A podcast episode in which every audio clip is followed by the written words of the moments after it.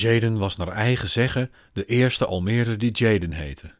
Hij was nu 37 jaar oud en vond zijn naam getuige van de pioniersgeest van zijn ouders, twee oorspronkelijke Almeerders.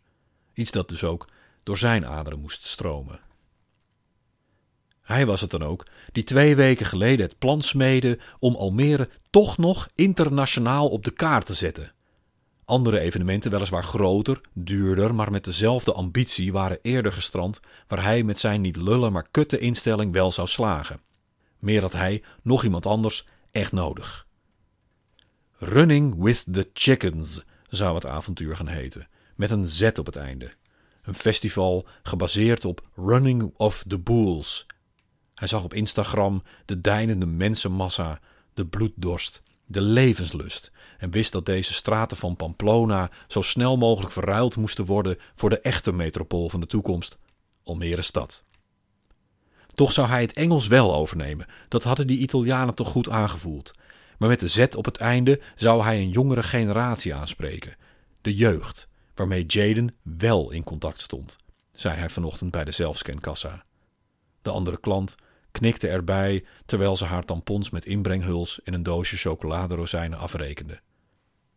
Bovendien was het bij hem niet running off the bulls of the chickens. Het was niet of-of, maar en-en. With the running, with the chickens. De mevrouw reageerde verder niet en een meisje in een blauwe polo vroeg Jaden of hij verder nog iets nodig had. Dat had hij niet, dat was het hele punt. Hij kreeg het niet uitgelegd.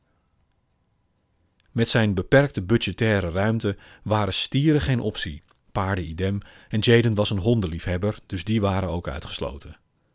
Maar na een oproep op Facebook kreeg hij wel een grote partij kippen in handen, die om voor Jaden onduidelijke redenen niet geslacht, zeker niet gegeten, maar eigenlijk ook niet meer vervoerd mochten worden. Maar dat donderde niet. Jaden wilde ze ook niet meer vervoeren wanneer ze eenmaal in Almere zouden zijn. De straten zouden vol stromen met ontelbare kippen, die woest kakelend en fladderend de dappere Almeerders over de tegels zouden jagen, het schuim rond de snavel. De snavel van de kippen dan, legde Jaden uit. Vooral jongeren, nogmaals vanwege de zet op het einde van chickens. Had hij dat al gezegd? Zijn vriendin Priscilla zweeg en ging verder met haar ontbijt van een niet opgewarmd frikandelbroodje en een blikje energydrink op de parkeerplaats van de Albert Heijn. En zo was het dinsdagochtend, Jadens wekelijkse vrije dag. Hij had gisteravond nog een doorstuurbericht naar de meeste van zijn appgroepen gestuurd. Toch viel de opkomst hem tegen. Desalniettemin zouden Jaden en zijn vijf beste vrienden dit jaar het spits afbijten bij wat vanaf nu een jaarlijkse traditie zou worden.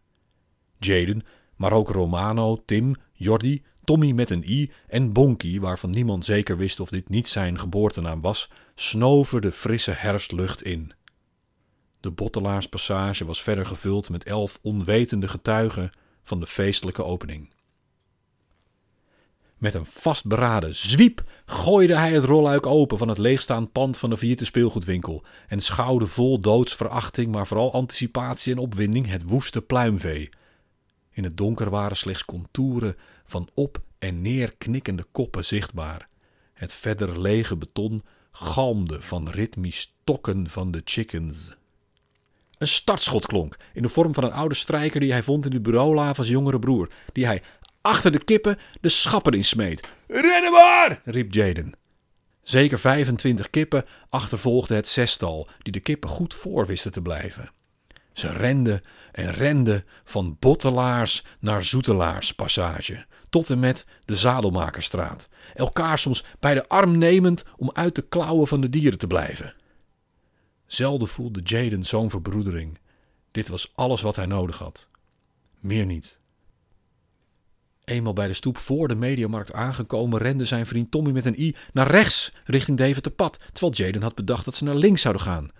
Bij de bioscoop zou Priscilla immers de winnaars opwachten met een bos bloemen. Leerpunt voor volgend jaar. Maar de overige vier vrienden hielden halt achter Jaden. Even dacht hij dat dit was omdat de meeste kippen niet voorbij de eerste twee straten waren gekomen, maar nu zag hij het ook. Een boa, wandelend uit de richting van de finish, waarop hij zich ineens afvroeg welke vergunningen hij eventueel aan had moeten vragen. De chickens dwaalden nu verstrooid over de winkelstraten op zoek naar eten tussen het schaarse winkelend publiek. Deuren van de kleine modezaken waren nog gesloten, maar hij zag nog net hoe vier kippen een groentezaak annex hair extension winkel naar binnen slopen. Paniek overmande Jaden. Maar wel maar kort. Nergens voor nodig natuurlijk met de juiste instelling. Niet lullen, dit was geen noodlot, maar Lots bestemming. Almere zou de eerste stad zijn in de mondiale voor dieren wegrennen traditie waarbij de deelnemers namens andere bewoners zich uiteindelijk tegen de dieren zouden keren om die te laten zien wie nu eigenlijk de baas is.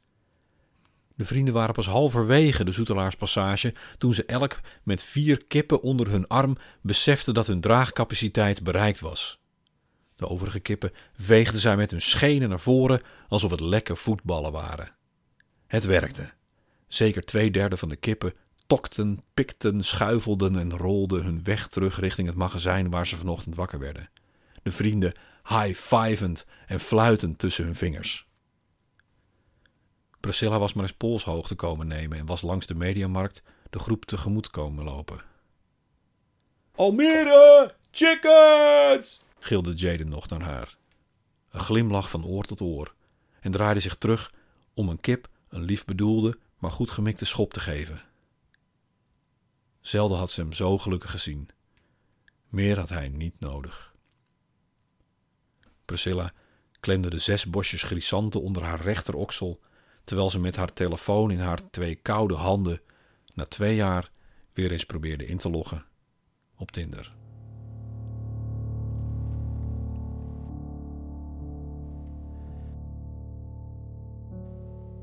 Dit was Running with the Chickens met een Z op het einde. Een kort verhaal in de serie Zeg maar Bram, gemaakt in samenwerking met doorklink.nl.